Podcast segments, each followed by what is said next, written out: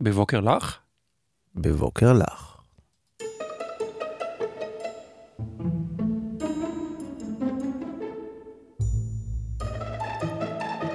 תפסת מרובה.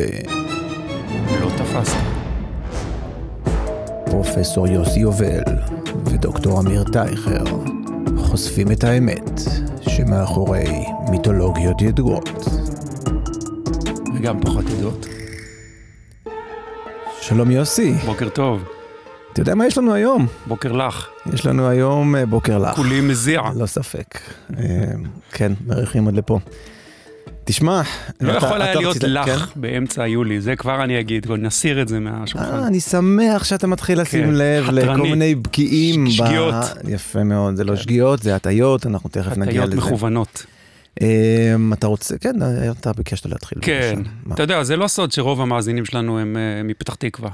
כן, נכון? כאילו, זה הוכח, אה, כל המכתבים שהגיעו עד היום היו- מפתח תקווה. זה נכון. זה גם לא סוד שאנשים מפתח תקווה, זה אנשים כן. עם בעיית זהות, נכון? כי, אתה זה לא יודע, ידעתי, אבל... מצד אחד כן. עבר ענק מאחוריהם, כן, אתה יודע, כדורגל, אה, קבוצת כדורגל שבשנות ה-50 פרפרה את הליגה, אה, ועוד- שאני יודע. ועוד כל מיני כאלה ש, שנדבר עליהם. מצד שני, פתח תקווה, אולי העיר הכי מושמצת בארץ, אה, אולי אפילו בעולם, אני יכול להגיד לך שכל פעם שאני ביקרתי בפתח תקווה, קיבלתי מכות. שזה היה פעם אחת. מה, לא? זה היה הדודו שלי שם, שם הייתי מתאמן. אה, יפה. כן. ודוז'ו, למי שלא יודע, זה משהו שקשור לקראטה. והעיר הזו כל כך לא יומרנית, שאתה יודע איך הם קוראים לקניון הגדול שלהם? תאיר את עיניי, הקניון הגדול. כן. טוב שהם לא קראו לעצמם העיר שליד, אה, העיר שליד אה, יהוד או משהו כזה, זה, זה לא, לא רחוק משם. כן. בקיצור, אתה יודע, העיר שכתבו עליה באמת מערכונים ו- ושירים, אתה מכיר אה, את השיר הידוע, אני לא מאמין שאני גר בפתח תקווה, יש שיר כזה. לא רק שאני מכיר, אני יכול לשים לך אותו. אתה רוצה. עכשיו אתה רוצה? שורה מתוך השיר? קדימה. שנים על גבי שנים, ערסים, זקנות ובני עקיבא. אני לא מאמין שאני גר בפתח תקווה. מהמם. חכה. ובכן, רגע. אה, היא פתאום שאלה אותי, תגיד לי, מאיפה אתה?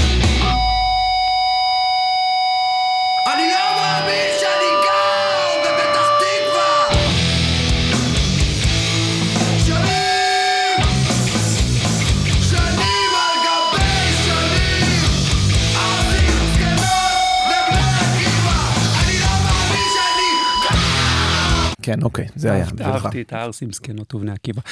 ובכן, מכיוון שכל כך הרבה פתח תקוואים נמצאים במשבר זהות ורוצים לדעת מהי, מה המשמעות בעצם של לגור בפתח תקווה, החלטנו לעזור להם ולהקדיש פרק שלם לבוקר לך בשנת אה, תרל"ח. את פציר הענבים יצאו מיפו על סוסים חמשת הרוכבים, שטמפר בא וגוטמן בא וזרח ברנט ויואל מוישה סלומון עם חרב באבנט.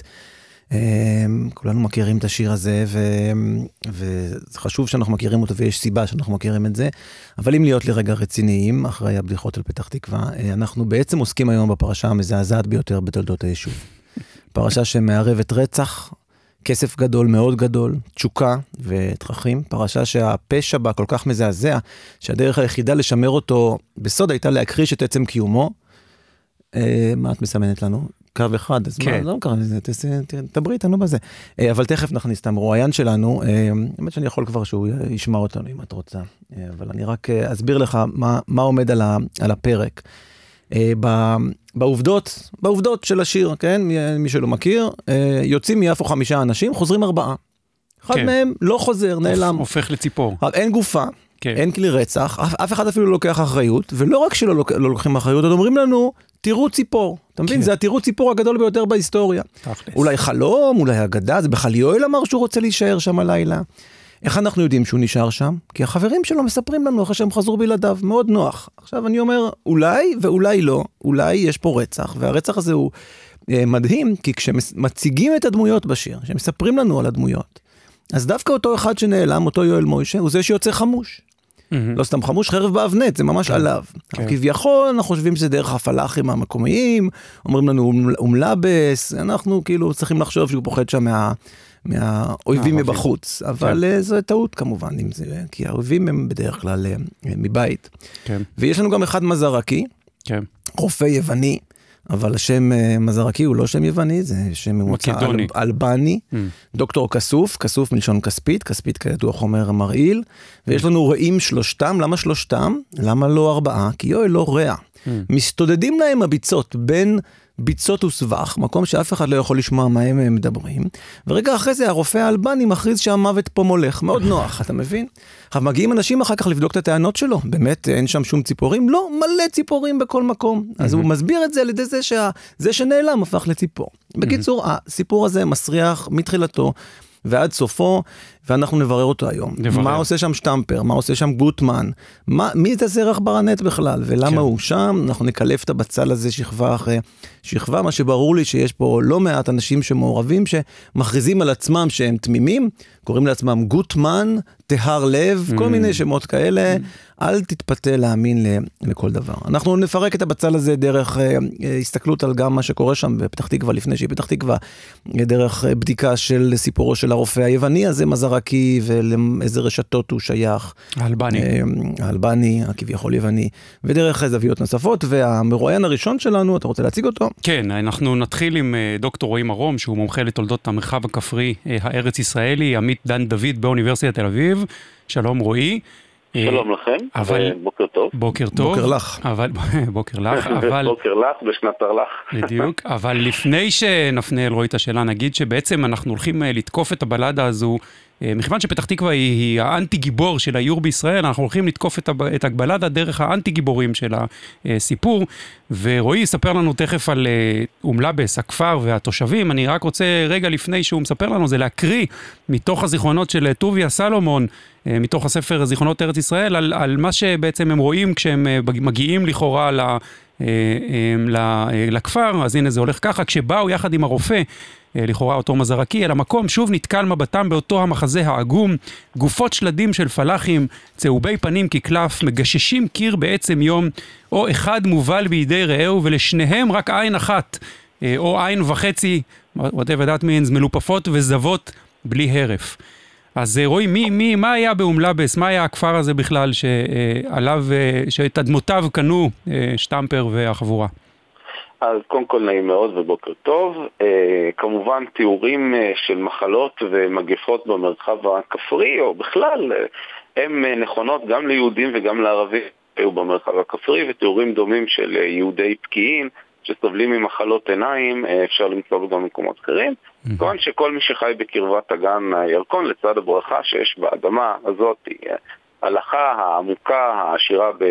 בסחף, אה, יש בה גם כמובן היה את פגע המלאריה, כמו שהיהודים גילו בהמשך, וכמו שדורות של, אה, של אה, אנשים חיו אלפי שנים לאורך הנהר ו, וגילו, אבל זה לא מנע מאנשים להתיישב לאורך הנהר, כי גם מראש העין, מתל אפק, הפיקום, בירה לשרון ועד יפו, כל האנשים חיו לאורך הנהר ושרדו, אה, ותוחלת החיים הייתה קצרה, ולאו דווקא המלאריה הייתה מה שהורגת אותם.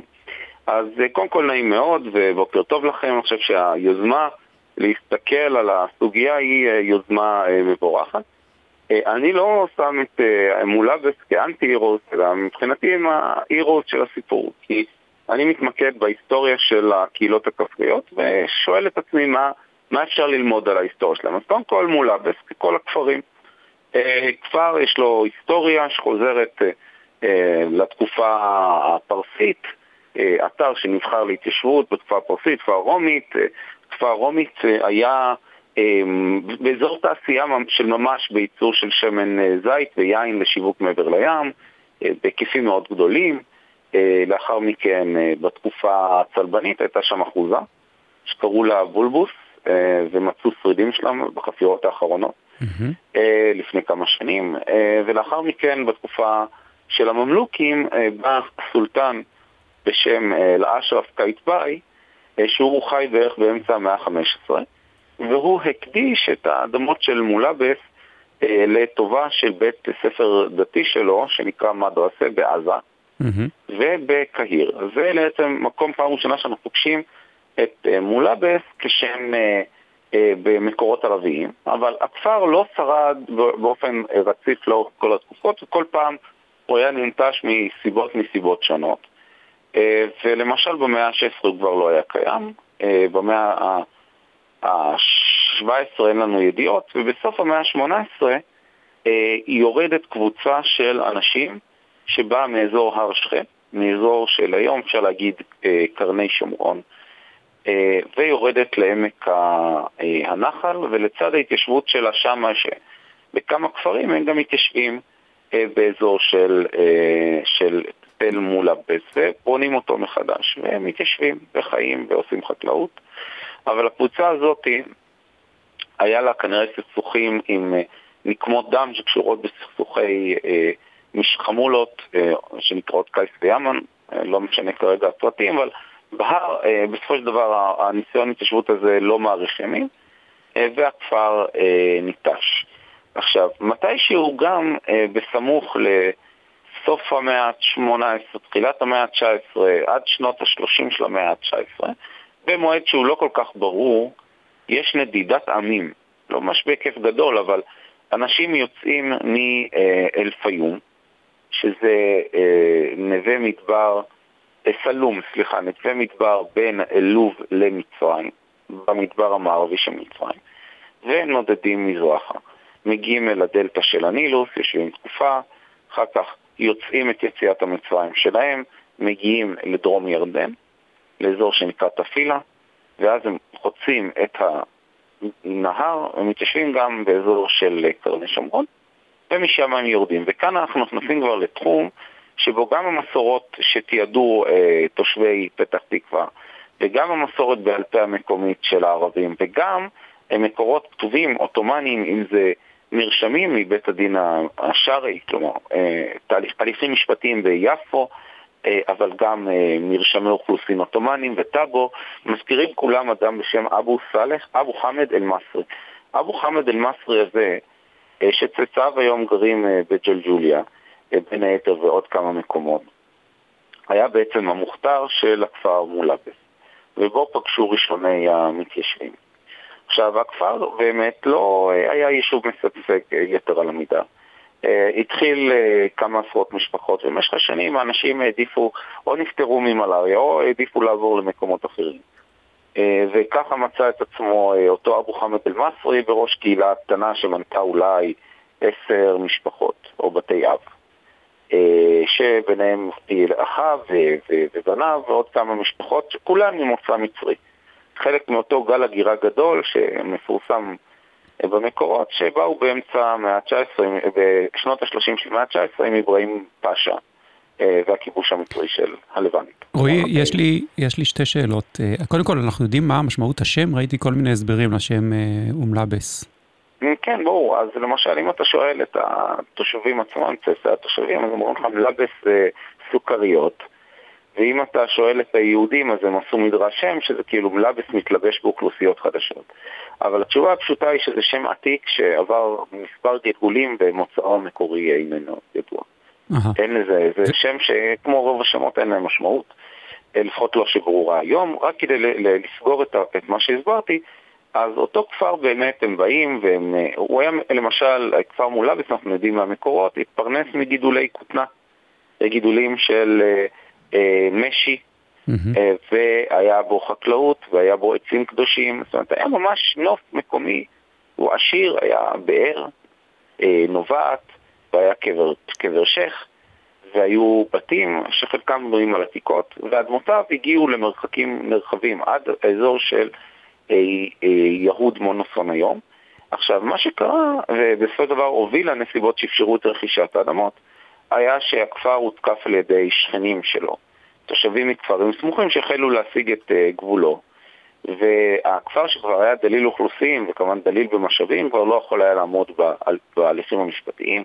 לקחו הלוואות מאדם בשם אה, אנטון טיין ומאדם בשם קסר, אה, שני נוצרים מיפו, ולא יכלו לסגור את החובות, והתוצאה הייתה ששלושה רבעים מהכפר עברו לבעלותם של אותם שניים שהזכרתי, ואלה מכרו את האדמות בסופו דבר למתיישבים יהודים.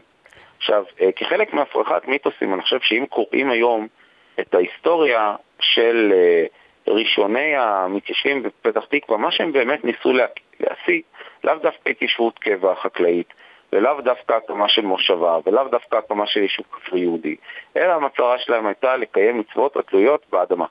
כלומר ל- ל- ל- לקיים מעשרות, לקיים שמיטה, וכל הדברים האלה כמתואר גם בכתבי אה, ראשוני פתח תקווה, ואנחנו יודעים שאחרי שנעשתה התהלוכה הגדולה עם השפע החקלאי, התושבים שהתיישבו שם, ביניהם יואל משה סולומון, שלא נרצח ולא נהרג, אלא ככה אה, אומרים, מופיע ככה אומרים. כמובן לשנים קדימה, אה, והוא כמובן צצב היום בין המפורסמים אה, באצולה של היישוב העברי. כן. אה, אז אה, הם פשוט נטשו את האתר, נתנו אותו לחוקרי אדמה ערבים, וחזרו כעבור שלוש שנים, ביחד באותה תקופה שהוקמו גם המושבות הראשונות של העלייה אה, הראשונה, אם זה זיכרון יעקב וראש פינה.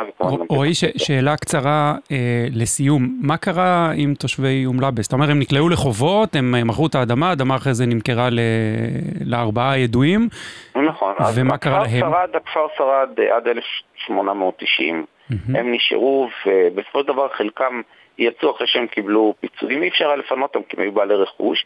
חלק עברו לכפר סמוך שנקרא פג'ה, חלק עברו אה, בהמשך לשייח' מואנס וליהודיה, ואז סיימו את ימיהם אה, אה, ב- גם בצפון, חלק הגיעו לג'לג'וליה.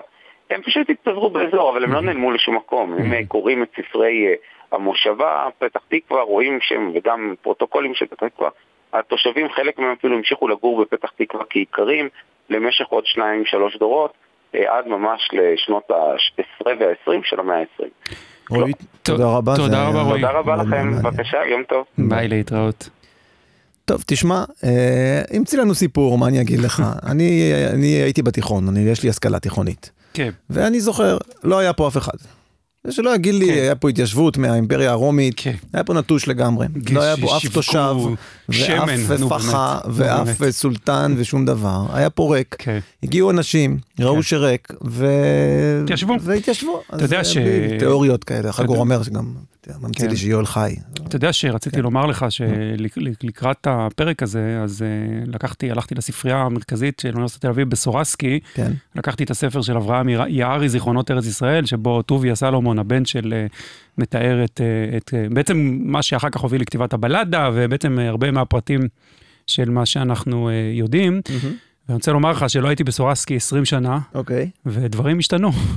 נכנסתי לאולם המרכזי, איפה שפעם היו ספרים, ואני רואה עשרות אה, סטודנטים יושבים על פופים, ואני לא, לא יודע בדיוק מה הם עושים. אה, נכנסתי... יושבים על פופים, זה מה שעושים היום כן, בספריות. בדיוק, אני לא, לא רוצה אה, לדמיין מה קורה בקומות התחתונות. דמיין דווקא. נכנסתי לחדר אחר ואני רואה יושבים ואוכלים. בקיצור, אין ספרים יותר בספרייה, זה מה שגיליתי. אתה צריך לעלות עוד קומה. בק- יש מדרגות, אתה מגיע ושם. אבל הנה, השגת ספר, לא? השגתי. יפה. כן. אז אני רוצה להמשיך להקריא לך מתוך הספר, מה שהתחלת לקרוא. אמ, וכמו שציינת, אמ, אותה שעה פרש מאליהם דוקטור מזוריקה, מהמם. וטיפס ועלה על חורבת בית, ונשאר שם עומד כשעיניו צופות וטרות בלי הרף ברקיע השמיים. ברחוק מקום ממנו עמדו שלושת המייסדים בלב פועם ונשימה עצורה. תוהים ומשתאים הביטו על אותו המחזה המסתורי בלי הבין פירושו. כעבור חצי שעה בערך ירד הרופא ממקום עמדתו המוזרה ופנה אליהם בדברים האלה. דעו לכם. אדוני, כי חקירת האקלים של איזו סביבה שהיא, הינה אחת הפרובלמות הקשות והמסובכות ביותר שבמדע המדיציני. הוא היה אולי יווני אלבני, אבל הוא היה גם קצת אה, יקה. פלצן. אה, ואולם אה, סימן אחד כללי ישנו, שעל פיו אפשר לפסוק בהחלט אם מקום זה או אחר כדאי וראוי ומוכשר למושב אדם, או כל שומר נפשו ירחק מעליו ככל אשר יוכל. והנה ניצבתי כל העת על רמה זו, ועיניי תרו בלי הרף על פני רחבי הרקיע, לראות אם יש ציפורים עפות. ואולם על פני כל המרחב הכחול והשקט הזה לא ראיתי גם עוף פורח אחד, וכולי וכולי. אה, אז... אה, בקיצור, הביאו רופא, הכי יקר בארץ כנראה, תכף נשמע על זה, כן. בתקופה, מומחה למלאריה, כן. אוקיי, עם השכלה מחו"ל. ובמקום לבדוק את המים, או לא יודע, לעשות איזה בדיקה, או משהו באוויר, עמד על גבעה. הוא עמד על גבעה לא וחיפש ציפורים. אני לא. רואה, לא רואה, לא שומע, זה גם קצת, זה. בשיר זה זה. אג, אגב, בעיניי כסוף זה בכלל כי הוא היה לוקח כסף פי ארבעה מכל רופא אחר בירושלים. אה, יפה, אני ניסיתי להטות אותך קצת, ואתה אכן. צודק שדוקטור מזרקי הוא לא חלק מהקונספירציה. בקיצור, אבל אנחנו צריכים מומחה על רופאים. כן. שאלה אם יוכל להסביר על דבר כזה. בדיוק, אז, בדיוק, אז uh, כדי לדבר על uh, בעצם הדמות הכי מורידה בסיפור הזה, עוד יותר משלושת מוגי הלב שלא רצו לרכוש את האדמות וברחו ליפו, uh, הזמנו את uh, פרופסור ליאת קוזמה, שהיא uh, פרופסור חברה בחוג ללימודי האסלאם והמזרח התיכון באוניברסיטה העברית, וגם מחזיקה בקתדרה להיסטוריה של הרפואה באוניברסיטה העברית, וגם נמצאת כרגע, מדברת איתנו מז'נבה, למעשה פעם ראשונה בפודקאסט יש לנו מישהו מחו"ל, מז'נבה. לדעתי, מז'נבה, כן, בדיוק, שלום ליאת. שלום, מה נשמע? בסדר, וליאת מומחית ברופאים, בכלל תכף היא תגיד יותר טוב ממני, אבל ברופאים במאה ה-19 ובתקופה פחות או יותר, ובתנועה של רופאים, ותסביר לנו איך זה שבכלל רופא אלבני סלאש יווני, שבעצם הוא שניים, מגיע לירושלים והופך להיות הרופא במשגב לדח או משהו כזה. נכון. אז איך זה קורה? אה, טוב, אז כך, אה, קודם כל כיף לדבר איתכם. גם איתך. אה, דבר שני, אז באימפריה העות'מאנית ב-1827 נוסדים שני בתי ספר לרפואה, אחד באיסטנבול ואחד בקהיר. ומתחילים להכשיר בפעם הראשונה רופאים ברפואה מודרנית על פי קוריקולום שגובש בפריז אה, באותה תקופה. זאת אומרת, הם ממש מיישרים קו עם מה שקורה בבירות העולמיות. אבל אה, היכולת של בית הספר לרפואה להכשיר כמויות גדולות של רופאים לכל האימפריה הוא מאוד מאוד מוגבל. זאת אומרת, אנחנו מדברים על אה, בערך 50-60 רופאים בשנה לאימפריה עצומה. ואז נוצר, מתחיל להיווצר ביקוש לרופאים מצד אחד. מצד שני, אנשים שלמדו אה, רפואה באירופה, שלמדו רפואה ב, אה, בארצות הברית וכל מיני מקומות אחרים, מסתובבים בעולם ומחפשים עבודה. וירושלים הופך להיות בעצם אחד המקומות הכי הכי תוססים באימפריה אה, בכל מה שנוגע למעורבות זרה ובכל מה שנוגע למוסדות רפואה. למה? למה ירושלים הופכת להיות כזה מרכז? בגלל, שהיא, בגלל המרכזיות שלה לנצרות וליהדות mm. למעשה. זאת אומרת, אמ, המיסיונים מתחילים להגיע לאימפריה העות'מאנית בערך בשנים האלה, בשנות ה-20-30 של המאה ה-19, אמ, כשהמטרה שלהם היא להמיר לנצרות את היהודים. במוסלמים הם לא יכולים לגעת, כי אז הם מסתבכים עם הריבון, אבל אה, יהודים זה היעד הראשון, והיעד השני זה כל הענפים של הנצרות שאינם הענף שלהם. Mm. hmm לפרוטסטנטים האמריקאים מגיעים, והקתולים הצרפתיים, ופרוטסטנטים, ואנגליקנים אה, בריטים, וכל מיני, אה, וכמובן הכנסייה הרוסית. כל אלה מתחילים לתפוס להם אחיזה בירושלים ולהתחיל לעבוד עם הקהילות המקומיות. עכשיו, הם מגלים מהר מאוד שהקהילות המקומיות לא מעוניינות בנצרות שלהם, ואחוזי ההמרה שלהם הם מאוד מאוד נמוכים. זאת אומרת, אם הם, אה, למשל הקתולים הצרפתים, משווים את עצמם לחברים שלהם שעושים אה, נפשות ב... באפריקה ובאסיה, הם אה, מגלים שהמספרים שלהם מאוד מאוד נמוכים. אבל מה שהקהילות... היהודים הם עם קשה עורף, כן. אז הם לא, לא משתפים פעולה עם הבשורה. המוסלמים לא רוצים אותם, היהודים לא רוצים אותם והנוצרים המוסלמים לא רוצים אותם. לא רוצים את הנצרות שלהם, אבל הם מאוד מאוד רוצים את שירותי החינוך ואת שירותי הבריאות שלהם.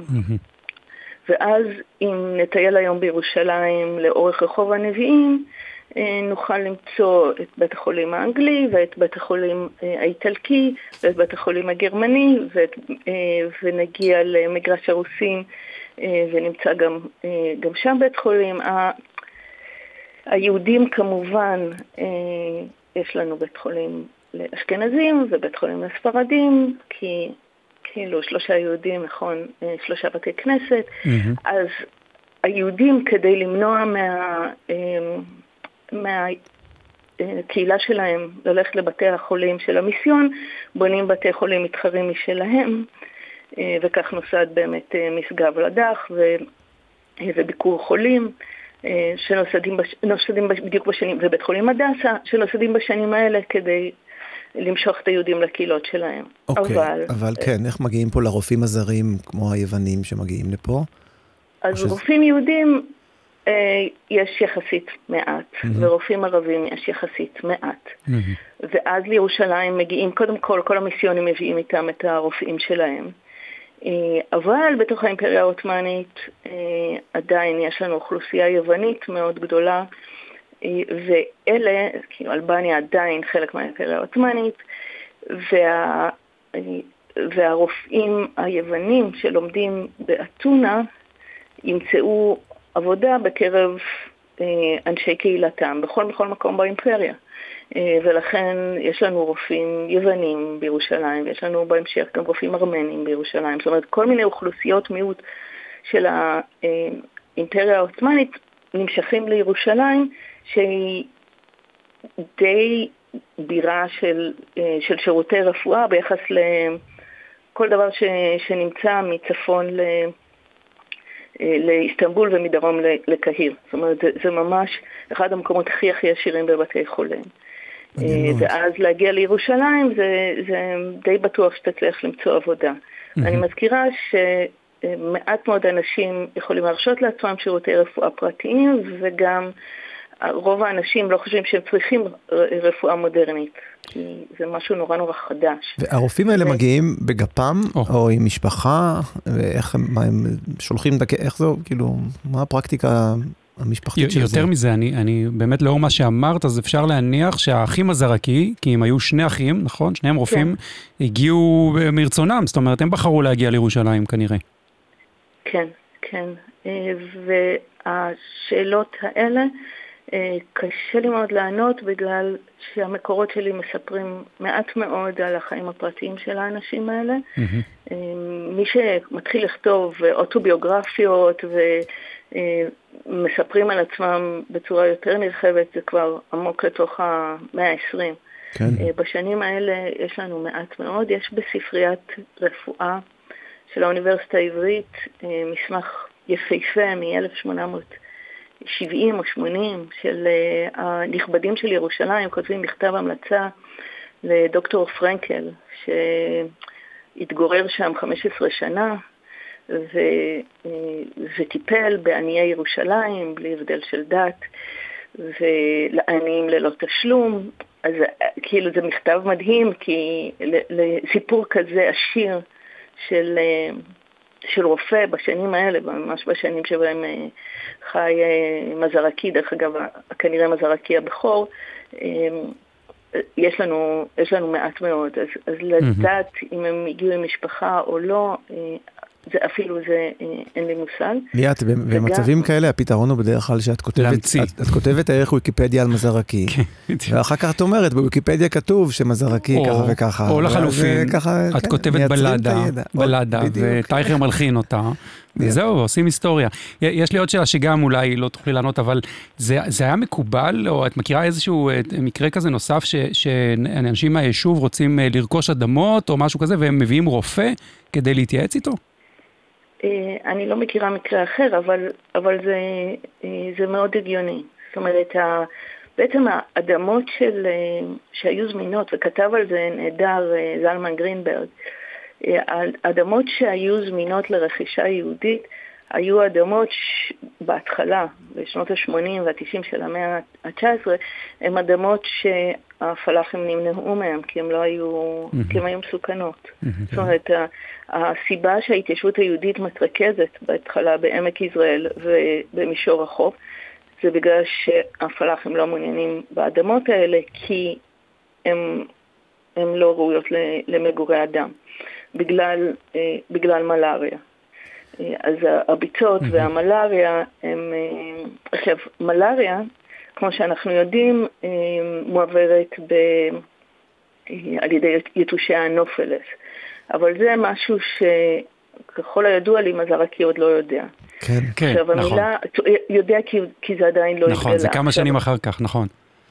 המילה מלאריה אה, מילולית היא אוויר רע. עכשיו, אוויר רע זה משהו, זה מונח ש, אה, שמגיע מתיאוריה רפואית הרבה יותר רחבה, ש, שנקראת תיאוריית המיאזמה, שאומרת, זה בעצם עד אה, שנות ה-80 של המאה ה-19 מתקיים ויכוח בקהילה הרפואית, האם המגפות עוברות דרך אה, חיידקים, או איזשהו גורם מתווך, או שהן נובעות, שזה בעצם התיאוריה השלטת במאה ה-19, מאוויר רע שעולה מהזבל. כן. זאת אומרת, הערים המודרניות עוברות ניקוי מסיבי באמצע המאה ה-19 בגלל תיאוריה מדעית שגויה, שאומרת שביוב שזורם ברחובות משחרר עדים רעים, והעדים הרעים האלה הם אלה שגורמים למחלות. ליאת, אנחנו אז... עוצרים אותך פה, עוצרים אותך פה, כי אנחנו רוצים לחזור למלאריה, ו... אה, אז אה, בעצם, אה, אני חושב שמיפית לנו יפה את ה... את ה... תנועה של הרופאים ואת הסיבה לזה שמזרקי נמצא כאן, ואנחנו ניקח את החוטים שזרקת לנו ומשם נמשיך את החקירה שלנו. אנחנו מאוד מודים לך על התרומה הזאת. ו... בכיף. דש לז'נבה. כן. בסדר. ביי, להתראות. אה, אני רוצה רק, אתה יודע, זה להמשיך, אה, אתה רוצה להגיד משהו? כן, לא, להמשיך לקרוא מיערי. לא, חכה, חכה, מה שלי התחיל לומר באמת, וזה די מדהים, שבאמת אה, גילו, יש איזה רופא איטלקי שגילה שהמלאריה מועברת על ידי יתושים, יתושי נופלס, וזה ממש כמה שנים אחר כך, וכמה שנים אחר כך מוצאים את הפלסמודיום, את החד תא שנמצא בתוך היתושים ומועבר לדם ועושה את כל מה שקשור, כן, פוגע בכדורי דם ובעצם גורם לכל תופעות המלאריה, וזה ממש כמה שנים אחר כך, זאת אומרת, הם ממש על הקצה שם של האם זה האוויר או האם זה אה, אה, חד תא אה, טפילי. אמת, וכך מצוטט אה, אה, מזרקי אצל יערי, אין זאת כי אם רע ומושחת הוא האוויר המקום כן. הזה, עד כי גם העוף הנשמע לאינסטינקט הפנימי הער בו תמיד, נזהר לנפשו מלקרב הנה. מקום מסכל הוא המקום הזה, סיים הרופא את תוצאות חקירתו ונסתלק לו, כן. רגע, והפסקה הבאה היא מאוד יפה, כקפואים נשארו השלושה על עומדם. גוטמן, שהרגיש ברגע ההוא כאילו כל העולם חסך בעדו, החליט בנפשו שלא להישמע ליווני ולחקירתו, ולהביא את עניין קניית הקרקע לידי גמר. אפס בעציצו בפניהם של יתר חבריו, שעמדו מורדי ראש ומבטיהם נלוצים בקרקע כמצפים למענה מפיו, לא מלאו ליבו להחיש, להביע את החלטתו הנועזה בקול. ויוסף לעמוד אף הוא דומם ומחריש, ושלושתם כמו יראים להביט איש בפני רעהו. מחזה אלם זה נמשך רגעים מספר, פתאום הפליט סולומון חרש. ובכל זאת, מנסה קרא שטמפר בקול. המילים האלו אך נפלטו מפיהם, וגוטמן נרגש עד עומק נפשו ממה ששמע, התנפל על צווארי שני חבריו ופרץ בבכי. ובאמת יש לנו פה רגע מרגש שהם מחליטים uh, להישאר שם. רוצה חידה קצרה על פתח תקווה? כן, חוד לי חידה. Uh, אז uh, ככה, האם הלוגו של פתח תקווה הוא קצב של עיר, לב של מושבה? כן. או בבוקר לך על רוגלך? כן. או, או פתח תקווה, תרצו או לא תרצו? הבנתי. אז סתם, אני... שאלה קצת יותר רצינית. אה, אוקיי. אני חושב שהתשובה שם ידועה, זה בוקר לך על רוגלך. כן. אה, איזו מהכיכרות הבאות לא קיימת פתח תקווה? האם זוהי כיכר קובלנץ, על שם העיר אה, בגרמניה, הידועה, כן. קובלנץ? האם זוהי כיכר טראמפ, על שם הידוע? כן. נשיא ה-45 של ארה"ב? או האם... 47, זו... 49, כל, כל האיזוגים מעכשיו הלאה, כן. כן. או האם, או האם זו אה, כיכר סטלמך, על שם אה, אה, כובש השערים, החלוץ המצטיין של שנות ה-50 וה-60, חלוץ נבחרת ישראל והפועל פתח תקווה, לא זוכר, חמש פעמים זוכה באליפות או משהו כזה. אה, טראמפ יש, כן. אה, אז אני צריך להמר בין השניים הראשונים. נכון. אה, מי לא קיים, קובלנץ או השני שאמרת? סטלמך. אז סטלמך. אז uh, סטלמך. אתה צודק. למה? כי זוהי פתח תקווה, הקניון הגדול נקרא הקניון הגדול, אז למה שתהיה כיכר על שם סטלמך? אבל אני יכול להגיד לך עוד משהו. כן. שאני יצאתי לחקירה בפתח תקווה, במסגרת... גם אני. היית במוזיאון רשות היישוב? הלכתי לחפש את הפסלו של יואל מוישה סלומון. על הרלי דיווידסון. ואתה לא תאמין, ואני אמרתי לך שיש פה כסף גדול בחלק מהסיפור הזה, אתה לא תאמין מה מצאתי תחוב בישבנו של הפסל. וויד. אה, לא. שקית עם וויד. אני אשלוף את זה עכשיו ואראה לך. כן. אגב, צריך לומר שהחבר'ה האלה היו חרדים בכלל מהיישוב הישן. 50 יורו. יפה. 50 יורו. תקשיב. אני מושיט לך אותם, תשמור אותם. אי אפשר בדיחות okay. אוקיי. פרטיות בפודקאסט. זה לא... פרטיות, זה בדיחות... יש חוק, מישהו לימד אותי שאומר שכמה שיותר כיף באולפן, בפודקאסט, כן. כך פחות כיף לא. למאזינים. אבל זה בדיחות של מאזיני הפודקאסט המתמידים. אבל, לא אבל יש, יש ב... אבל כן. יש ב... אה, תכף אני אגיד לך בדיוק, ברחוב אה, חיים עוזר בפתח תקווה, יש פסל של יואל משה סלומון מצויד בכנפיים ורוכב על אופנוע מסוג הרלי דיווידסון. שם אה, הייתי. ובין חצות לאור צמחו לו פתאום, צמח לו מנוע של הרלי דיווידסון. טוב, תשמע. אנחנו רוצים לדבר על האנטי גיבור הבא בשיר. בעצם, נכון? כן. שהם... אה, אה, היתושים. כן, המלאריה או, או אה, היתושים. וכדי לעשות את זה, הזמנו את דוקטור מתן בן ארי, שהוא ביולוג ומחנך, מנהל הגן הבוטני באורנים, ואדם שאוהב יתושים. שלום מתן. שלום רב, בוקר טוב. בוקר אור. בוקר טוב. בוקר לך. אז אתה בעצם טוען שיתושים אינם גרועים כפי שחשבנו. זה נכון, רק השאלה היא למי אתה קורא יתושים. או, בוא תסביר לנו, כן. לא, אז יתושים שייכים לסדרת הזבובאים, שזו סדרה מאוד גדולה. אמ, לכולם הדבר העיקרי שמשותף זה מה קרה לכנפיים שלהם לאורך אה, שנים של אבולוציה, הם איבדו זוג אחד של כנפיים שהשתנו והפכו למשהו אחר.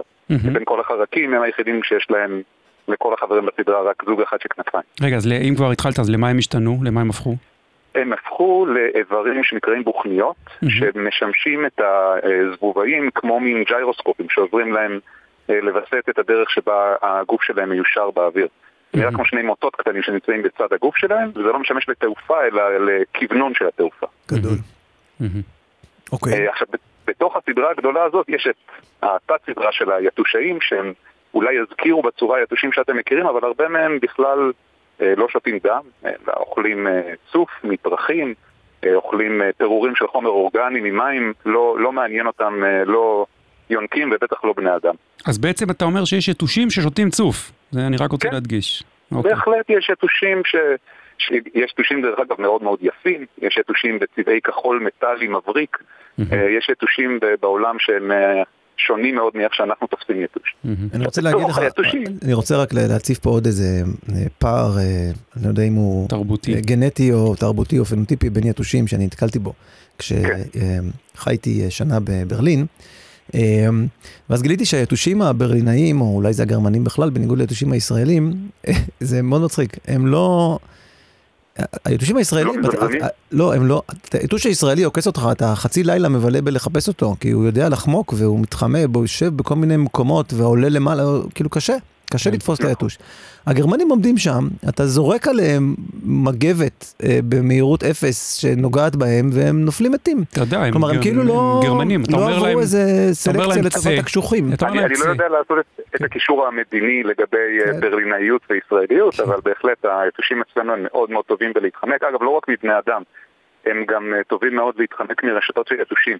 כן, לא- זה לא המטאפורה, זה באמת, הם היו יתושים כאלה, כל אחד שהייתי צריך להרוג אותו, הייתי mm. כאילו עושה עליו פור, והוא היה מת, אני לא מבין. רגע, זה היה מעניין. אז למה המקומיים יודעים, איך הם יודעים, למה, מה עשינו להם? אה, שנים של אבולוציה, אבל אה, גם אני לא יודע, זה רעיון מעניין להשוות בין יתושים. מינים קרובים במדינות אולי קרות יותר, כן. אה, לראות אם יש שם איזשהו הבדל ביכולת שלהם ובהתנהגות שלהם. כי היתושים הישראלים הם באמת מאוד מאוד טובים ולחמוק, בין אם זה בזמן תעופה ובין אם זה זה שהעובדה שהם הולכים ונעמדים על צד אחורי של ארונות ומתחת כן, לשולחנות. זה משגע. תגיד, ואני נעזוב רגע את אה, ברלין, כן. אה, והיתוש הרע בסיפור הוא הנופלס, נכון? נכון, יש משפחה של יתושים שנקראים קולחיתיים, שאצלם יש את היתושים שעוקצים ומגרדים לנו, שזה בעצם לא כל היתושים, אלא רק היתושות. אה, גם היתושים האלה, הנופלס, קולחית הבית, שזה היתוש הנפוץ בישראל, או היתוש הטיגריס האסייתי שפלש אלינו, אצל כולם הם אוכלים בגדול, כמו שאמרנו, צוף של פרחים, אה, או שותים אה, מאיזה מקור של, אה, של מים. אבל הנקבות צריכות מנה של חלבון כדי להטיל ביצים. אז הן עוקצות mm-hmm. אותנו, פוצעות את האור שלנו, מכניסות את החדק ושתות מנה של דם, mm-hmm. שעוזרת להן כמנה של חלבון כדי להכין ביצים. מנסרות, נכון? ראיתי פעם כזה שעושים זום אין על איך זה נראה שם, יש שם איזה שישה צינורות שונים, אחד מנסר, אחד נכון. מאלחש, אחד... כן. אם תראה אה, פה של נמלה, אתה תראה שתי לסתות גדולות כדי שאיתן היא מחזיקה ומנסרת את האוכל שלה. אצל יתוש, הלסתות האלה התארכו לשני סיבים קשים אבל ארוכים, שהיתוש ממש מנסר את התנועה כזאת קדימה אחורה, אה, פתח בעור, מחדיר את החדק שלו, מפריש פנימה חומרים שמונעים מאדם להיקרש, ואז שותה, את ה, בעצם שותה את המנה של הדם שלה. אז היא עושה את זה רק לקראת ההטלה בעצם, אתה אומר. נכון, נכון, והיא יכולה להטיל כמה פעמים. זאת אומרת, היא יכולה לעקוץ, לקחת מנה של דם, לעשות, ללכת להטיל ביצים, ואחר כך לעוף בחזרה ולעקוץ משהו כמו עשר פעמים במהלך החיים שלי. וההטלה מתבצעת uh, במים, נכון? נכון. זה, זה משותף לכמעט כל היתושים, שמחזור החיים שלהם מחייב הטלה של הביצים שלהם, שהזכלים שלהם יחיו בתוך מקווה מים. אגב, מקווה מים זה מאוד משתנה איזה מין מקווה מים זה. זאת אומרת, יתוש, כל חיית הבית יצטרך איזה אה, מאגר מים יחסית גדול שהיתושים, שהזכלים שלו יוכלו לחיות בו, אבל אה, למשל יתוש טיגריס אסיאתי צריך כלום, ממש מספיק לו תח, תחתית רטובה של עציץ והוא יצליח להתפתח. זה... אה, איך, איך זה ש... כאילו, אם אני חושב על אה, יתושים, על הצפיפות של יתושים באיזשהו מקום נתון שבו ישנתי אי פעם בחיי, אז כן. היה או אפס, או אחד, או אלף. כלומר, כן. מעולם לא קרה לי שישנתי באיזה מקום וחיסלתי את היתוש שעקץ אותי והיו עוד שניים. זה בחיים לא קרה. זה או שהיה אחד, all or none. או שהייתי במקום מוצף. אתה מבין? מה, כן. מה קורה, איך הם עושים את זה? הם, הם יודעים שאחד נכנס לבית והשני הולך לשכנים? מה... אני, אני לא מאמין שהם, אה, שהם מחלקים עבודה מאחד לשני. יתושים, כמו הרבה חרקים, אה, לא כל היתושים ככה מגיעים לבגרות, ולא כל אלה שמגיעים לבגרות משתנים את אה, כל מחזור חייהם. הרבה מהם נאכלים, הרבה מהם נתפסים ונהרגים, ולכן הם מייצרים המון צאצאים. אז במקום שבו יש מקווה מים, יהיו לך הרבה מאוד זכלים. והרבה מאוד uh, יתושים בוגרים שיעופו ממנו. והזחלים הם גם uh, סיפור די מדהים מבחינה אבולוציונית, נכון? הזחלים הם, הם יצור מאוד מעניין, הם חיים בתוך מים אבל הם נושמים אוויר אטמוספרי, mm-hmm. מה שאומר שהם צריכים uh, שנורקל. כן. אז uh, יש להם מהפרק הכמעט אחרון בבטן שלהם יוצא צינור, ואתם כשמתקרבים לבריכה שיש בה יתושים רואים את הזחלים תלויים הפוך במים ומוציאים צינור קטן מחוץ למים עם שערות מאפשרות לו לחדור את מתח הפנים כדי שהוא יוכל לנשום. טוב. אגב, זה, הגלמים הם גם סיפור, אולי אתה, כשאני אומר גולם, אתה מדמיין גולם כמו גולם של אה, פרפר כזה, נכון. שצמוד לאיזה אבן או עץ, נכון. אבל אה, גלמים שיתושים יכולים לשחות, הם זזים. אז, אז גם ההתגלמות היא במים בעצם. נכון, ואז זה... הגולם עולה למעלה אל פני המים, נתקע והבוגר יוצא החוצה ואף יותר. מה, מה היתרון בעצם של המים? זה הזנה או הגנה? מה, למה הם במים? אה, הגנה, זה, הגנה. זה בעיקר הגנה, זאת אומרת מאפשר להם, אה, אם מתקרבים, ברגע ש, שעושים איזו תנועה מעל המים, אז תראו את כל הזחלים והגלמים mm-hmm. ממש צוללים אל האדמה, נכנסים בין mm-hmm. העלים שיש על הקרקעית, ואז קשה מאוד למצוא אותה ולתפוס אותה. אה, אבל ברגע שהם צריכים לעוף, אה, ברגע שהבוגרים אמורים להגיח, עולים את פני המים וה... יתושים יכולים לעוף חופשי. ולכן אנחנו ממלאים את מקווה המים שלנו בדגי גמבוזיה כדי שיחסלו אותם. או, או דגי גמבוזיה, או כמו שהיה במקרה של הנופלס, מה שהפיץ את המלאריה, בחיידק. בצילוס אורינגיאנזיס ישראלנזיס. ש... ששמו אותו בכוונה? כן, כן, אה. מה שקרה זה שמדען ישראלי ראה מקווה מים ובתוכו זכלי יתושים מתים, הלך ובודד את ה... חיידק, שהחיידק תוקף באופן מאוד ספציפי זכרים של הנופלס, והם mm. משתמשים בו כהדברה ביולוגית אה, אה, מאוד מאוד יעילה כנגד, אה, מקווה, כנגד יתושים במקווה מים. מדהים. טוב, המון המון תודה מתן. אנחנו עכשיו רואים את הבלדה באור אחר לגמרי. ביי, להתראות. תודה רבה. להתראות.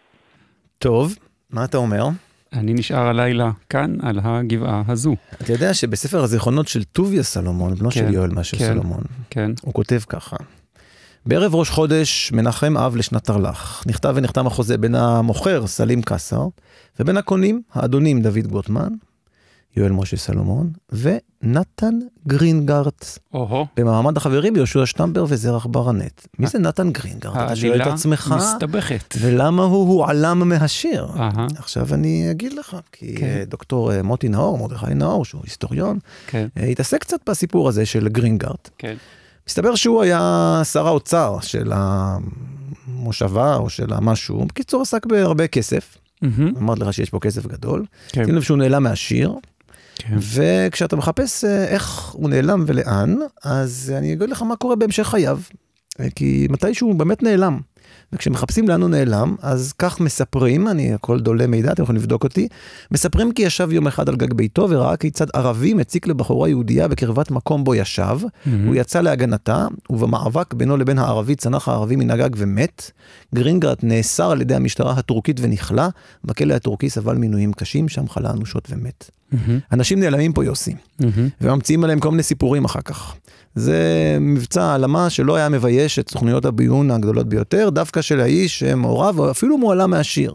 כן. אביורם תיארלב אה, ניסה לרמוז לנו על זה, בזה שהוא בכוונה העלים אותו מהסיפור, mm. ובעצם השאיר לנו את אחד הרמזים למה שקורה אתה פה. אתה יודע שאנחנו הולכים לדבר תכף על הוויכוח לגבי ההיסטוריה באמת, כן. ואיפשהו קראתי ש... אה, כשהתעורר ויכוח כזה, דיון על, על מה קרה באמת, אז אחד מפקידי העירייה אמר משהו כמו, מה שכתוב בשיר של תיארלב, זה מה שקרה במציאות. נחמד. אז אה, בוא, בוא נברר עם מישהו שבאמת יודע. כן. אה, והעלינו לשידור את אלי אשד, שהוא חוקר תרבות ועורך מגזין התרבות ברשת יקום תרבות. שלום אלי. שלום, שלום. שלום. אז יואל משה סלומון, הבלדה, הסיפור שמאחוריה והמאבק בין המשפחות. אז קצת על הסיפור שמאחוריה כבר דיברנו לפני שעלית לשידור, אבל אולי תספר לנו קצת באמת על, ה... על הסכסוך הגדול. על הסכסוך הגדול. תראו, המשפחת סלומון הייתה אחת מכמה משפחות שהיו בולטות בפתח תקווה, בוא נאמר, במאה ה-19, בראשית המאה ה-20, גם יואל משה סלומון, גם אחרים, והיה ויכוח, כאשר הוציאו בערך בשנות ה-20 או ה-30 ספר יובל לכבוד תולדות רגל תאריך מסוים בפתח תקווה, אז תכננו לכתוב אה, את ההיסטוריה של המקום, אישים בולטים, תמונות שלהם, אבל אז מהר מאוד התברר שיש ויכוח מה היה החלק של כל אחד מאותם אישים. בייסוד של פתח תקווה, משפחת סלומון, שאגב, גילוי נאות, אני קרוב אליה, דודי היה משפחת סלומון, אז uh, הם טענו שצריך לשים יותר חשיבות, יותר תשומת לב למשקל של יואל משה סלומון ממה שניתן לו עד אז. לפי מה ש... הבן של יואל משה, או כן. אחד הצאצאים, טוביה סלומון, כתב uh, ספרים שבו הוא הסביר את החשיבות של יואל משה סלומון בבנייתה של פתח תקווה. העניין הוא שאבל אחר כך היה סיפור... אחרים לעומת זאת טענו דברים שונים. טענו יואל משה לא היה כזה חשוב. בכלל לא גר בפתח תקווה רוב השנים, הוא בכלל במקומות אחרים היה. כן, אלי, אתה... ביהוד, בירושלים. אלי, אתה שומע אותי? היו על זה ויכוחים לא גדולים מאוד. אותו ספר יובל שאכן הדפיסו אותו, ואז היו צעקות ותלונות כנגדו, ממש היו צריכים להחזיר את רוב העותקים כתוצאה, אה, קשה מאוד להשיג אותו היום, הוא מאוד נדיר, אחר כך יצרו ספר יובל אחר, עם uh, היסטוריה, בואו נאמר, uh, יותר מצונזרת, כן. לדרישות של גורמים שונים. אז זה בערך מה שעומד מאחורי יותר מאוחר הבלדה של יואל משה. כן, אני באמת אה, ראיתי באחד מה, מהמקומות שבעצם אה, אחר כך כשהתפרצה מגפת מלאריה, אז דווקא יואל... היה הראשון ש... לברוח. היה הראשון לברוח ליהוד. כן, כן. אה, זה לא הגרסה של משפחת סלו. או, אז, אז יפה, אז, אני, אז אוקיי. ומה, יש עוד איזה היבט ככה של, ה, של השיר או של הפער בין, בין, בין, בין השיר לבין ה... לבין המציאות שאתה חושב שככה מעניין במיוחד להציף אותו? תראו, אה, קודם כל, אה, יש אנשים במשפחת סלומון שטוענים שצריכים להבין, נכון שהשיר הוא אגדתי, אבל צריך להבין אותו כפשוטו, הוא מייצג את השאיפות, אה, בואו נאמר, המשיחיות של יואל משה סלומון, שבאמת רצה להקים יישוב כנגד כל הסכנות וכנגד כל האיומים, בזמן שהשותפים שלו, לטענתם, היו הרבה יותר מתונים, אה, פחות אה, קשוחים ונחושים בדעתם. לזכותו... זאת הגרסה של משפחת סלומון מאז ועד היום. נכון שהמשפחות האחרות יש גרסאות אחרות. לזכותו צריך לציין, אם אני לא טועה, קראתי שהוא היה בעצם ממקימי נחלת שבעה, השכונה השנייה מחוץ לחומות בירושלים, נכון? נכון, אבל גם על זה יש ויכוח עם משפחת ריבלין. אה, שגם כן טוענת שהם המייסדים וזה לא יואל משה סלומון, יש גם משפחה שלישית. יש עוד משפחות שגם הן טוענות דברים דומים, כל אחד מהם יש לו את המקורות הספרותיים שלו כדי לחזק את טענותיו. תגיד, אבל uh, אני חושב שהרבה אנשים, אני לפחות לא הייתי מודע להם, הם כולם היו חרדים, אנשי היישוב הישן, נכון? ש, שבעצם כן, הקימו... כן, יואל משה סלומון הוא איש היישוב הישן, הוא צאצא של אחד ממייסדי היישוב הישן החרדי, שזה תלמידי הגאון מווילנה בירושלים, בהחלט. שזה בכלל נורא מעניין, שהם אה, יצאו והקימו מושבות ויצאו נכון, מהחומות. נכון, זה באמת היה מעניין. הייתה גם התנגדות חזקה לזה, זה היו קבוצות שונות. במחנה, ה... אפשר, במחנה החרדי הליטאי, לפחות של תלמידי הגעה, אפשר להשוות את זה להיום, מה שקורה בקהילה החרדית היום, כשיש אנשים עדיין קבוצה קטנה, בואו לא נגזים, אבל שאומרים שצריך להתגייס, צריך להשתלם יותר בקהילה, ויש את הרוב הגדול, זה שעליו שולטים הרבנים והפוליטיקאים, שאומר, אנחנו נשאר במקום שלנו, לא רוצים שום קשר איתם, mm-hmm. רוצים רק כספים מהם, mm-hmm. זה הכל. זה בערך המשך של מה שהיה אז. מעניין מאוד. Uh, תודה רבה אלי אשד. Uh, תודה גם לכם. נמשיך ליהנות מה, מהבלוג שלך. טוב. להתראות. תודה. אתה יודע שיהיה עוד דמות שאני ככה רוצה להזכיר פה, זה זרח ברנט. עכשיו, באמת לא ברור מה הסיפור, לא, הוא לא יימכר. לא, רק מתחרז. כן. ולמה אני מזכיר אותו? כי בעצם, שוב, יורם תיארלב השאיר לנו פה כמה רמזים לאורך השיר. כן. אבל הרמזים הם חלקם ויזואליים, והם אמורים לבנות לך בקוגניציה את, ה, את הדמות, שאת, את, ה, את הדימוי שאתה אמור לפתח. ואני אעזור לך קצת, כי כן. זה לא, אולי בקריאה ראשונה לא. כן, תעזור לי. יש לנו את העיניים העוזות של יואל משה נכון, סלום, נכון? נכון. לא, לא ברור אגב למה העיניים שלו עוזות, כי הוא עוד לא היה אמור, ל... לך. הם כולם שם. אה, למה הוא כבר נדבק, זה מיד, לא ברור, אבל יש לו עיניים. היו- היו מחלות עיניים ביישוב, זה למדנו. יפה. כן. ויש לנו את הדבר הזה של שלושתם, למרות שהם ארבעה רעים, או אפילו חמישה אם סופרים בן מזר, כי זה שלושתם. יש לנו שילוש ויש לנו עין. אבל דמיין שנייה. משולש עם עין באמצע. השילוש הקדוש עם העין וזה. מה זה שילוש עם עין באמצע? זה אב הבן ורוח הקודש. לא, לא, לא, לא, עם אה. עין באמצע, דמיין שילוש עם אני עין. זה- באלתר, תמיד יש לך עין מעל. תחפש מה זה שילוש עם עין, זה האילומינטי, אה. אוקיי? עכשיו, מה זה אילומינטי? זה, תתרגם לעברית, אלה שהם אה, זורחים ויש להם רשת מסועפת, כן? כן. זרח, בר, נט. Mm. זה, יש לנו פה בעצם דימויים של האילומינטי, שהאם הם באמת עומדים מאחורי הקנוניה, זה אנחנו לא יודעים. אני, אני, בזמן שאתה עוסק בתיאוריות קונספירציה, לא, חשוב, חשובות ללא ספק. אני, אני רוצה ל- לקרוא לך כן. מתוך אה, האתר 80 עובדות מעניינות על פתח תקווה. או, קודם כל, כן. אה, ודאי ידעת אני יכול לשים לנו שיר ברקע? האמת שכדאי, ודאי, כן. אתה ודאי יודע שזו העיר החמישית בגודלה בישראל, 251 אלף תושב, והנה אה, עובדה מעניינת, אני אקצר, אני אקרא רק חלקית, פתח תקווה ידועה גם באירועי התרבות והאטרקציות שלה. בעיר יש סצנת אומנות תוססת עם גלריות ומוזיאונים זה רבים. נכון, הייתי פעם במוזיאון באחד. אמנות בפתח תקווה, הוא מאוד כן. מוצלח. נכון. אחד האירועים ה... אחד האירועים התרבותיים הפופולריים ביותר בפתח תקווה הוא פסטיבל הסוכות השנתי שמתקיים, פסטיבל. נחש, כן. בחג הסוכות. כן. היהודי, הפסטיבל, כך אומרים, מהמם. כולל מוזיקה חיה, אוכל מסורתי ואווירת קרנבל. הוא מושך, קרנבל, לא? הוא מושך מבקרים מכל רחבי ישראל. היית פעם בפסטיבל הסוכות בפתח תקווה? אני רק רק קיבלתי מכות, דופן. רק קיבלתי מכות אירוע- בפתח תקווה. זה עוד, עוד פרט מתוך 80 עובדות מעניינות על פתח תקווה. מתברר שתושבי העיר אוהבים להזמין חבילות מחו"ל, כי במהלך שנת 2016 הם הזמינו 361,095 אה, חבילות. בממוצע מדובר ב-1.56 חבילות לכל תושב. תגיד שוב את המספר? 1.56. לא, לא, המספר הכולל? אה, 361,095 אה, חבילה. אתה יודע, זה מאוד מעניין. למה? אני אגיד לך, זה ברח לי, כי אתה יודע כמה זה, כמה כל השיר. כמה כל השיר יואל משה סלומון, תרמ"ס. כולו בגימטריה, נו, 38,251.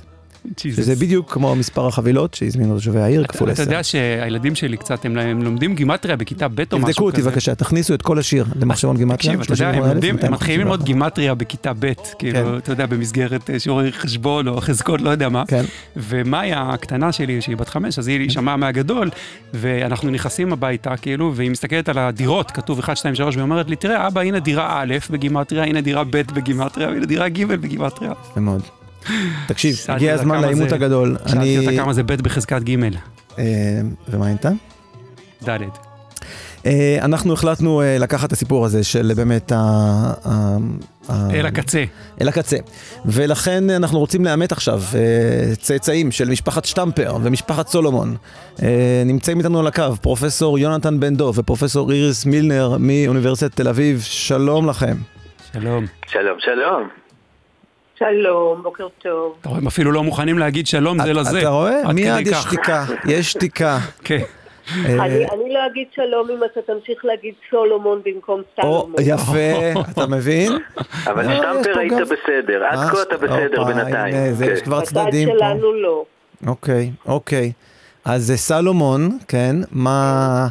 אתם, תראי, סל, אנחנו שמענו את הסיפור, אנחנו מבינים, יואל משה. סלומון הגיע, סלומון הגיע ל- לאזור, כן. אה, קיבל שיר שאומר שהוא נשאר אה, והפך לציפור בינינו, קצת מוזר, ואחר כך בעצם היה מגפת מלאריה והוא ברח ליהוד, לא כן. נשאר ולא נעליים. אה, מה, מה את אומרת על הטענה הזאת, אה, איריס? אה, שאני אשטח את כל טענות הנגד שלי עכשיו, או רק אתחיל? אה, תתחילי. טוב. אז תראה, אה, קודם כל הסיפור הזה שהוא אה, נשאר, מדובר באמת לפי ההיסטוריה על לילה ראשון או שני, אה, כשהם התחילו לראות מה המצב מסביב והחליטו שאולי זה בעיה לקנות את האדמה הזאת המסוימת והוא נשאר איזה לילה לעשות בירורים ואחר כך חזר ליפו ועשו עוד בירורים נוספים ואז, אה, ואז הם חזרו כולם יחד ובנו את פתח תקווה. אז זה הדיוק של המועד, אה, הזמן שבו הוא לכאורה נשאר לפי השיר. אבל אני אגיד לך ככה, בוא נשים בקונטקסט טיפה מהיר אה, אה, את הפעולה הזאת של יואל משה סלומון בהקשר של המשפחה הזאת, שאני הדור השביעי שלה.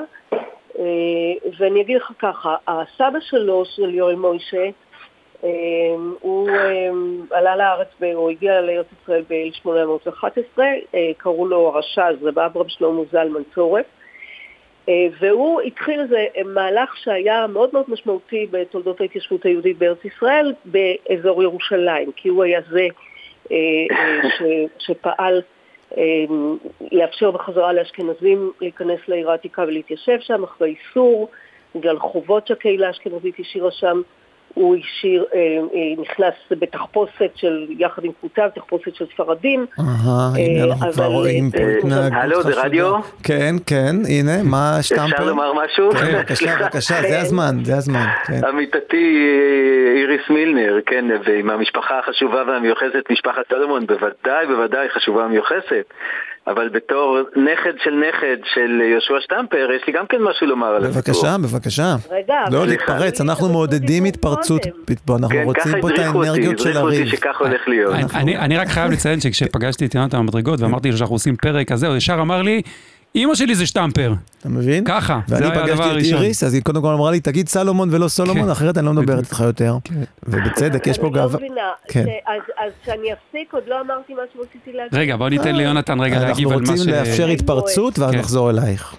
כן, מה רצית אה, להגיד בהתפרצות? טוב, תשמעו, אצלנו במשפחה מסופר אחרת, וגם, אתם יודעים, יש לנו היומן של יהושע שטמפר, בכתב ידו. אה, שם לא כתוב שום דבר על הסיפור עם הציפורים. כן. וכמו שנדמה לי שסיפר על זה אלי אשת בתחקיר שלו, בכלל נראה שזה סיפור שהיה איזה שנתיים אחר כך, שהתחילו ליישב את הירקונים ולא ב, ברכישה הראשונה. ואם כבר אנחנו עושים עימות, כי הזמינו אותי לעימות, אז uh, יש פה לפניי רשימה של האספה הכללית של פתח תקווה משנת תרמ 1879, שזה ממש מעט אחרי הייסוד. אוקיי. ואין שם אף אחד ממשפחת סלומון. הופלה. איריס, המיקרופון עובר אלייך חזרה. שמת לב שהוא גם אמר סולומון בכוונה כדי... לא, לא, הוא אמר סולומון. טוב, אז קודם כל כן. תודה שאמרת סלומון. כן. אה, אז אני אגיד ככה, קודם כל, אני הייתי בלהגיד משהו, תראה, אני לא, אני חוקרת ספרות, לא היסטוריה. אין לי יומנים, יש לי יומנים הרבה יותר מאוחרים מתל אביב של סבא שלי, שגם כן היה קפדן וכותב יומנים כל הזמן כל צעד. אבל אני כן אגיד ככה, קודם כל זה, זה מהלך משפחתי גדול שבאמת, אני לא אומרת משפחה חשובה, אני אומרת שיש שם באמת איזה אה, אה, אה, אחד אחרי השני דברים שנעשו לפריצת דרך ויישוב במקומות שהיו קשים, אז הסבא אה, הרש"ז הקים את, מחדש את, את בית הכנסת חורבת יהודה החסיד ויצר פעם ראשונה את האפשרות של יישוב קהילה יהודית אשכנזית ומחיקת כל החובות שהיו שם. והנכד שלו, אה, יואל מוישה, שנולד בירושלים, אה, אני אתחיל במידע ביוגרפי קצר, והוא העובדה ששני ההורים שלו מתו ב-1865 ממגפת קולרה בעיר העתיקה, וזה היה כשהוא היה בן 27, כשהוא כבר חזר מלימודי אה, דפוס בקניגסברג, וכבר הקים בית דפוס בירושלים, דפוס סלומון ושמוציא כתב העת הלבנון.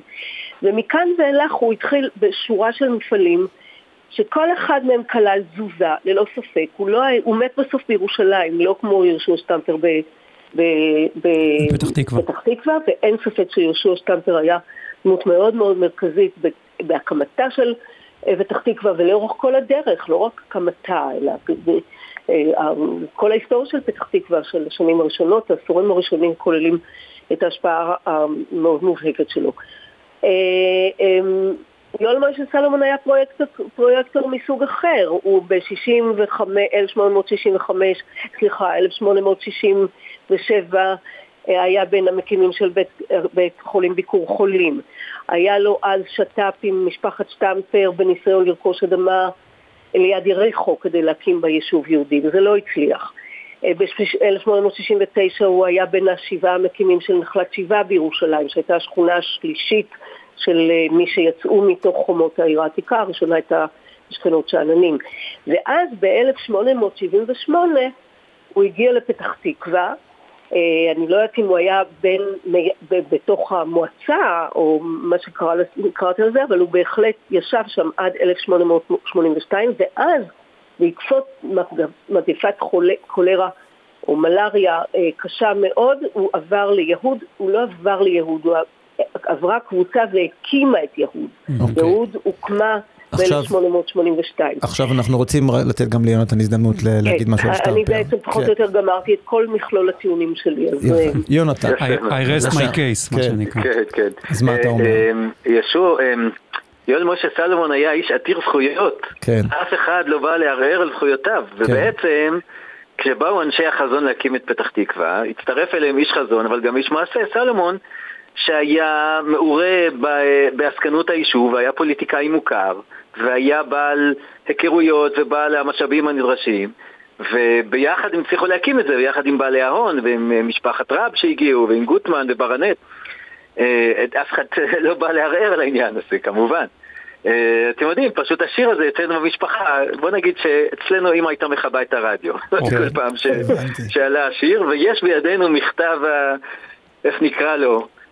נקרא לו בינתיים מכתב התלונה שאמא שלי שלחה ליורם תיארלב. האקדח המעשן. אוקיי. נו, ומה היא כתבה? מה, היא כתבה, נחסוך לכם את אה, רובו של המכתב, אבל אה, שלא היה ולא נברא. כתבה שלא היה ולא נברא. עכשיו תראה, אני רק אגיד על יהושע שטמפר, תשמעו. הבן אדם עלה בגיל 18 אה, מהונגריה לבדו. אה, היו לו התנגדות, המשפחה לא, לא כל כך שמחה מהעניין הזה. עלה, נסע בטרמפים לסלוניקי, ומשם איזה מישהו העלה אותו על ספינה והוא הגיע לארץ, ומשם הוא היה עסוק כל הזמן ב... לחפש חלוציות. זה באמת רעיון חלוצי. מה, מה הוא בשבילך? להקים מושבה חקלאית. מה הוא בשבילך? יש לנו רק סיפור, סיפור משפחתי אחד. כן, זה, בזה אנחנו אה, נסיים ואז... בשנות כן. ה-60 המוקדמות בן גוריון אה, השתכנע שהוא חייב לחקור את הסיפור הזה של יהושע שטמפר, כי הוא אמר, זה מין חלוציות שלא תעלה על הדעת. הגיע בן גוריון למושבה פתח תקווה, ושאל איפה זה משפחת שטמפר, והגיע לבית של הסבא שלי, של הסבא וסבתא שלי בפתח תקווה. Mm-hmm. ישר הריצו את כל הילדים מבית הספר והוציאו את הסרוויז החגיגי של המשפחה שהיה שם עוד מהמאה ה-19, ומאז ועד היום לא השתמשו בו אף פעם, ככה שהרוג של בן גוריון עדיין מתנוסס אליו. ה-DNA, אפשר להוציא מזה DNA ולבדוק שבן גוריון אכן היה בן גוריון. בדיוק. זה לא מישהו אחר. יפה. אז... אה, תשמע, יונתן, כן. אני, אני מתפרצת כי אני חייבת להגיד לך, הוויכוח הזה או העימות הזה הסתיים בדרך מפתיעה. אני קראתי אה, אה, הרבה על אה, יהושע סטמפר לפני שעלינו כאן לשידור, ואשכרה התאהבתי בו, גם באיך שהוא נראה. וואו. יש לזה, זה עם המון מטענים. הפודקאסט שלנו פה... אה, אבא שלי, שבעצמו היה אה, איש די מוכר לפני המון שנים, הוא היה צלם עיתונות, אה, מקסים סלומון, דומה ליואל מוישה, שתי טיפות מים שזה פשוט נורא. ואני ואבא שלי לא היינו ביחסים כל כך טובים, אז הפרצוף של יואל מוישה לא ממש ממש עושה אצלי דברים חיוביים, ולעומת זאת יהושע סטמפר עם הסיפור שלו. באמת יואל מוישה חוכמה גדולה, הוא בא ממשפחה מאוד מאוד מבוססת, כאן כבר, רבת זכויות, והוא התחיל מסוג של גבוה, אם כי גבוה יחסי, אתה יודע, אה, והיה לו כבר אמצעים, ויהושע סטמפר בא לבד, כמו שאתה אומר, ועשה גדולות ונצורות. אז אני אה, בעדו. חברים, זה, זה מאוד מרגש אותי מה שקורה פה, והפודקאסט שלנו ידוע כפודקאסט שמקרב ומחבר כן. אנשים. כן. כן. כן. רגע, יוסי, אתה רוצה להגיד משהו? כן, רק שאלה אחרונה, כן. מישהו מהמשפחות עדיין גר בפתח תקווה? אה, אצלנו יש נציגים, אני מודה, מודה של, שלא כולם, אבל יש לנו נציגים נכבדים, משפחת רוזנר וענפיה, אה, שגרים בפתח תקווה, בוודאי. טוב, זו הייתה שאלה רטורית, אף אחד לא באמת גר בפתח תקווה. אה, אוקיי, אני רוצה, אני לא יודע אם אתם רוצים להישאר על הקו, שאני חוסף לכם את האמת שחשפנו פה במהלך השידור. נראה לי שתחסוך להם את זה. נחסוך להם את האמת, עד שהם הגיעו ל... את האמת אנחנו רוצים לשמוע. אוקיי, אז לא, לא בטוח שאתם רוצים, יש לו פה אה, משהו חתרני, לא, קונספירטיבי. לא, זה לא קונספירטיבי. אני, יוסי ציין קודם, שבמקרה יוצא שבדיוק שנתיים אחרי שמזר רקים מגיע ל... לביצות שם, מגלים את איך, איך עובדת המלאריה. כן. זה כאילו מין uh, צירוף מקרים uh, מעצבן כזה, כי uh, אם הידע המדעי קצת יותר מתקדם, אז אולי היה יודע את זה קודם. ועכשיו אני רוצה לחבר את, ה, את המידע הזה. כי כביכול זה נשמע סיפור של ריב על אדמות, מי הגיע ראשון לאדמות, מי קנה את האדמות, למי שייכות האדמות בכלל, מי רכש את האדמות, יש על זה לא מעט... זה. אבל אה, בוא נספר לך פרט שאולי אתה לא יודע, אבל בוודאי שאיריס יודעת. אתה מסתכל על עץ המשפחה של יואל מוישה סלומון. ואמרתי בסדר עכשיו? כן. יופי, ואת מי אתה פוגש? אתה פוגש את אה, אלי הורוביץ, מנכ"ל טבע איזה רבע מאה ונשיא התאחדות התעשיינים ויו"ר בנק לאומי. אתה יודע איך קראו לטבע לפני שהיא הייתה טבע? חברת התרופות סלומון, לוין, אלשטיין. ואלשטיין, בבקשה, אס.אל.אי, אתה יכול לחפש. עוד, אלשטיין, לא, אני לא יודע כל הזמן. אמ, והלוין הזה, זה החתנו של יואל, וסלומון אתה כבר יודע מי זה. עכשיו, אה, איזה תרופה הטבע מייצרת? את ההידרוקסיקלורקווין הזה, שטראמפ ניסה לשתות בקורונה, שהיא לטיפול במלאריה. בגלל זה יש כיכר טראמפ. מאיפה הם גילו איך לזה? זה מזרקי, בקיצור מזרקי. הרופא היווני. אה, הוא- הוא זה שבעצם גילה, ו- גילה, והמשפחה השתלטה אחר כך על הדבר הזה, ועד היום היא מרוויחה מהמכירות של תרופות נגד מלאריה. זה בעצם מה שקרה באותו אה, מפגש, וכדי להסתיר את השחיתות הזאת, אז הם אפילו הצניחו, כי היה כבר אנשים שהתחילו לעלות את זה פה בארץ, כן. אה, ונחש אה, מי במקרה מבקר המדינה, אה, מתניהו אנגלמן, מסתבר שהוא גם נשוי למשפחת סלומון, כן. וככה... אוי אני- ואבוי, אני- תגיד, תשמעי, אה, מה אני אגיד? אמיר, נגיד בנק ישראל? בשנות ה-80, משה מנדלבאום, אה, גם במשפחת סלומון, בקיצור, הם החדירו את. האנשים שלהם בשיט- בשיטה של זרח ברנט, האילומינטי, לכל מקום יש לו אפשרי. בית. אבל אה, אני רק רוצה להגיד ש... זה- אני גם לאור אומר את זה, די מזעזע, אבל אה, כן. אני רוצה להגיד שלאור הנהוג כן. ביישוב הישן בירושלים, כן. וגם בפתח תקווה, אז הרבה מהמשפחות האצולה האלה התחתנו זה בזה. יפה. כן. לא נראה לי יפה. לטובת השיבוח הגנטי של המשפחות, אבל לדעתי סלומון ושטמפר בכל זאת מחותנים זה לזה. והם נראים אותו ללא דבר. כן. ועשית קצת אה, הוצאת דיבה על המשפחה עכשיו. חס להגיד. וחלילה, אני אה, מפרגן, עוד- רגע הוא מקריא את לא, יונתן, אמיר. לתביעות. לא, ברור, ברור כן, שהתייחסת אליי. דיבה? איזה דיבה? מה, אתם לא הקמתם את לא, טבע? שהכל היה בשביל לכסות על שחיתות. לא, לא, זה אני לא מה שאני אמרתי, זה לא מה שאני אני רוצה אמרתי. לשאול אותך רק כן, אם. ביבי גם קשור לסלומונים. חס כן, וחלילה. ביבי התיישב על הירקונים, עד שם. עם הירקונים עד שם בווילה, אנחנו מגיעים. בווילה גדולה. הכל. הכל כמובן, אין לי, אני, נראה לך שאני אסתבך עם משפחת סלומון, הם מגיעים לכל מקום. כן. אה, כן, גם השופט חשין הוא סלומון. בבקשה, זהו. אני עוצר פה, לא והוא צריך... בדיוק כשהוקמה. ועדת החקירה, אהה, אתה זוכר שטבע זה בדיוק היה חשין. כן. בדיוק, יפה. אנחנו. נעצור פה אה, וניתן, כן. המנדלבוים הזה עשה ב-1994 ספר אה, על אה, מאה- אה, אה, 200 שנים בארץ ישראל על משפחת סלומון, הוא אסף אז 13 אלף איש. או-אה. אה, וכשלי נולד בן כעבור כמה זמן, אז הטלפון הראשון שהיה לי אה, מאיזשהו מקום בעולם זה ממנו להודיע לי שהוא מוסיף מיד את הבן שלי היה לספר של ה- על הכרך הבא. אז. כן, לא. איריס לקבל אופציות. ויונתן, אה, אנחנו מאוד מודים לכם, כן. יונתן, אנחנו ונשתמע צריכים בשמחות. להיפגש. קדימה. בהחלט, בהחלט, וגם אה, ללחוץ ידיים. נכון, נכון. אז נדבר. בהצלחה. אתה ולהתראות. מפסיכולוגיה, נכון? ל- ל- אנחנו נשאיר לכם אה, לא בשידור לעשות את זה. ביי ביי, תודה רבה. להתראות, תודה. טוב, מה אתה אומר? אה, פיצחנו? לא בטוח. אה, האנטי גיבורים אה, לפחות אה, תואר חלקם ההיסטורי. אני, לא יודע מה פה הדיבה, אני רוצה להבהיר שאני לא מסתבך פה עם אף אחד. כל הדעות הנשמעות בתוכנית הן על בסיס אה, הסקת מסקנות בלבד. כל אחד יכול להסיק מסקנות. אתה יודע. שהם הם יצאו על סוסים, לקח להם איזה שעתיים או משהו כזה, להגיע מיפו לפתח תקווה, שזה מה שלוקח גם היום ברכב. אתה יודע ש... הופה, אריק. אתה יודע שהוא ביקש, הסוף, כן? לפי ויקיפדיה, הוא ביקש לשנות את אה, העכור לארור, כן, כי ביהושע זה העמק העכור, זה נכון. כן. שימו לב ש... כן. שימו לב, בדיוק, לא, אני אומר למאזינים אה, שטייכר. עשה פה רמיקס של כל הגרסאות. שהוקלטו אי פעם של השיר הזה. כמעט, כמעט. כן. בעצם אין כמעט אה, זמר שלא שר את זה, אה, או זמ... יש כמה זמרות גם, כן, אני הכי אוהב את הגרסה של המזרקי. שזה גם, אתה יודע, אם אתה רוצה להעביר מסר, כן? על איזה משהו סודי שאתה לא רוצה שאף אחד ידע. מה הדרך הכי טובה לעשות את זה? שיר, אתה בלדה. מייצר שיר שאנשים מתחילים לשיר ומעבירים אותו מדור לדור, והוא בעצם מסתיר מסר סמוי. על כן. האילומינטי, אילומינטי. על אה, חיסון למלאריה, כל מיני דברים. יאללה, בוא תקריא את הזה ו... איך אני מקריא? אנחנו צריכים לשמוע את כל השירים פה עד הסוף. אתה רוצה לסכם מה למדנו בפרק? אה, בוודאי, אוי, אוי, אוי. בוודאי. טוב, האנשים תמיד חיו לאורך הנהר. הם מתו, אבל הם מתו לא ממלאריה בדרך כלל, כי הם מתו צעירים. אובלבס היה כפר עם היסטוריה מאוד עשירה עוד מהתקופה הפרסית, גידלו שם זיתים, מכרו שמן, באיזשהו שלב הם נקלעו לחובות, מכרו את האדמות לשני עשירים יפואים, אה, קסר וטיין אם אני לא טועה, ואז הגיעו היהודים וקנו אותם אה, מהן, והם התפזרו בכפרים הסמוכים.